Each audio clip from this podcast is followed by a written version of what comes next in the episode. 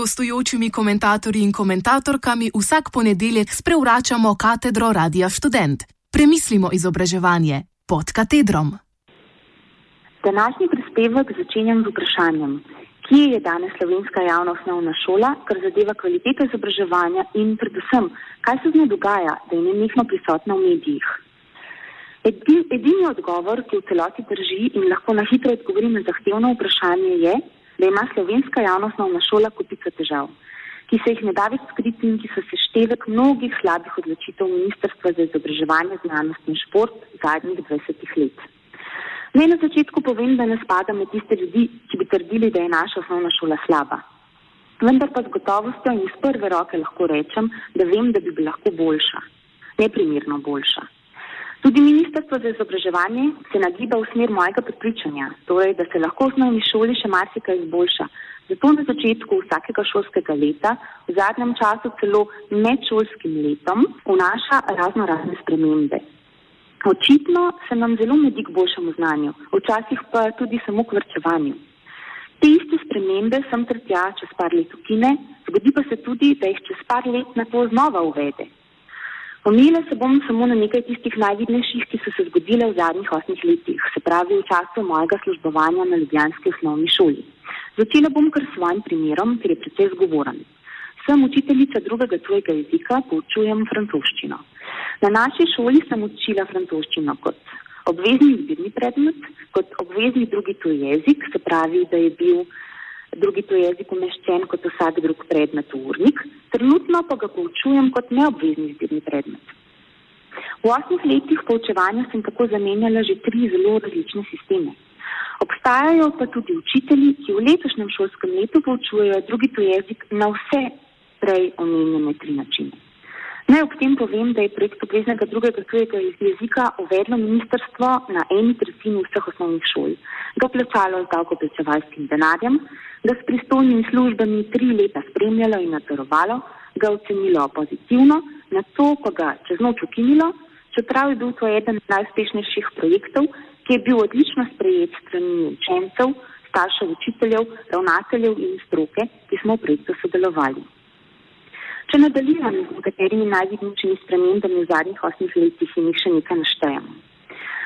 Uvajanje neobveznih izbirnih predmetov od 4. do 9. razreda, uvajanje zgodnega učenja prvega tujega jezika, uvajanje neobveznega izbirnega predmeta prvega tujega jezika v prvi razred, elektronsko vodenje dnevnikov in redovalnic, Preimenovanje predmeta državljanska vzgoja in etika v državljanska in domovinska vzgoja ter etika, ter na to še v državljanska in domovinska kultura ter etika. Preimenovanje športne vzgoje v šport, glasbene vzgoje v glasbeno umetnost in likovne vzgoje v likovno umetnost. Sprememba upisnega ocenevanja v tretjem razredu, ponovno ocenevanje vseh predmetov, kot je bilo to nekoč in tako naprej. Zelo zanimivo je tudi uvajanje razno raznih projektov ki ne glede na to, kako dobri so, ne postanejo stalna praksa v osnovni šoli. In ne glede na to, kako slabi so, ne obveljajo za slabe. Zelo množičen je bil naprimer projekt e-šolstvo s tablicami za učence na nekaterih šolah, nakupom in uporabo elektronskih tabel in priporočenim usposabljanjem pedagoških delavcev za e-kompetentnega učitelja. Nekatere šole so se v celoti lotile usposabljanja svojega kadra, nekatere niso usposobili niti enega učitelja. Nekatere šole imajo v vsaki učilnici elektronsko tablo, nekatere nimajo niti ene na celi šoli. Projekt je trenutno zaključen, a se je pojavil nov z naslovom ABC e-šole spodbudno učno okolje za zagotavljanje enakih možnosti v vzgoji in izobraževanju. Priznam, da si ne znam predstavljati, kaj se skriva pod tem naslovom, čeprav sem tudi sama upravila izobraževanje za e-kompetentnega učitelja. E-projekti omogočajo vpletanje zasebnega sektora v šolstvo založniki in informacijsko-komunikacijska tehnološka podjetja sklepajo nepredvidne posle. Na področju novih tehnologij ni enotnih standardov glede opreme, zato, so, oziroma zato smo učitelji prepoščeni samim sebi pri vzpostavljanju standardizacije sistemov. Vsaka šola ureja to svoje. Država tak sistem podpira. Dobra osnovna šola ni, da mora biti napredna za vsako ceno in v koraku s časom, če ob tem pozablja na otroka na njegova čustva, na njegovo osebnost. Glavni problem slovenske javne šole vidim v tem, da izgublja lastnosti kakovostne šole. Kakovostna šola ima štiri glavne stebre: vedenje oziroma znanje, delo, kako se, kako biti drug z drugim in tudi učiti se, kako živeti skupaj. Kaj od tega se naši osnovnošolci učijo, na vsak presodi sam oziroma česa se naučijo. Vendar vam lahko povem svoje prakse, da v šoli opažam vedno več zahtev po faktografskem znanju, ki ga zahtevajo učenje na črti, ki spodbuja učenje na pamet in v katerem je premalo poglobljenega razmisleka, ki kako na kakšen način to znanje uporabiti oziroma v katerem poklicu nam najbolj koristi. Ob tem pa se moramo zavedati, da v šoli obstajata dve vrsti predmetnika. Mogoče bi ima lahko rekli kar vidni in skriti. Vidni predmetnik predstavljajo na kratko rečeno organizacijo šole, pouka, učne tehnologije, načrtovanje, napisana pravila, nadzor in tako naprej. Vse to je v slovenski šoli videti predvsej lepo. Tudi na papirju se zelo lepo bere. To je tisti del šole, ki ga lahko natančno pregledamo, analiziramo, merimo in spreminjamo v številke. Žal pa ta del predmetnika ne prinaša samo inicijativnega učenca. Učenca, ki ve, kaj so prave vrednote, odgovornost, delo, spoštovanje in empatija. Zdi se, kot da je postal glavni cilj slovenske šole ustvariti čim več odličjakov, tudi na račun številnih odločb učencev s posebnimi potrebami, kar tudi učencev s takimi potrebami, ki priporočajo posebne prilagoditve. Tako imamo v naših osnovnih šolah zelo malo zdravo povprečnih in uspešnih otrok. Kdor nima posebnih potreb ali statusa nadarjenega učenca, je zagotovo športnik. Kljub temu, da je vzpostavljen sistem navalvacij, je leta preveč birokratsko zapleten, da bi omogočal pravično razporeditev statusov tistim, ki so jih zares potrebni. Sistem prepoznavanja nadarjenih učencev je v Sloveniji neenoten in nepregleden. Tako imamo po mojem mnenju preveč učencev, ki so po eni strani učenci s posebnimi potrebami, istočasno pa tudi nadarjeni učenci. Seveda obstajajo ne v tako velikem številu, kot to opažam danes.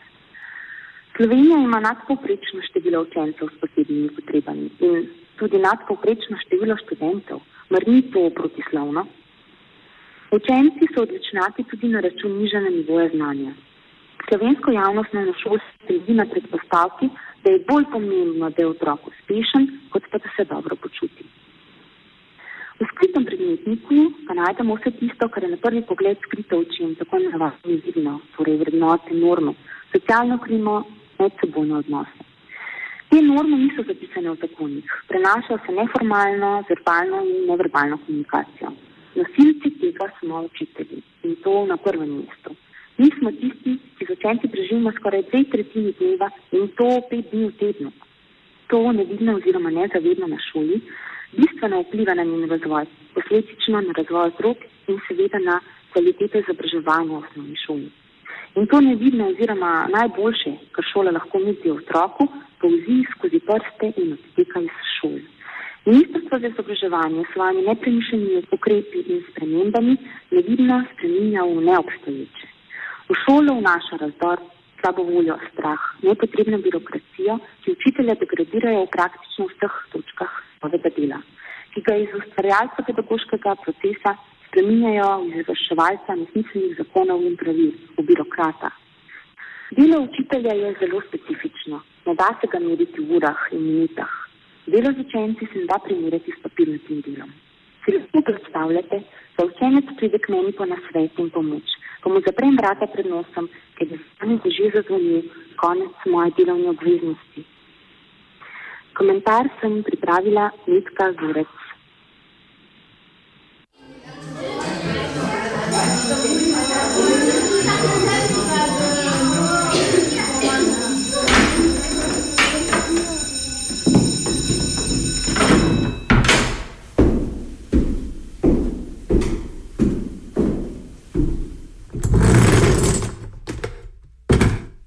Gostujočimi komentatorji in komentatorkami vsak ponedeljek sprevračamo katedro Radia Student. Premislimo izobraževanje pod katedrom. Du lytter til Radiostudent på frekvensen 89,3 MHz.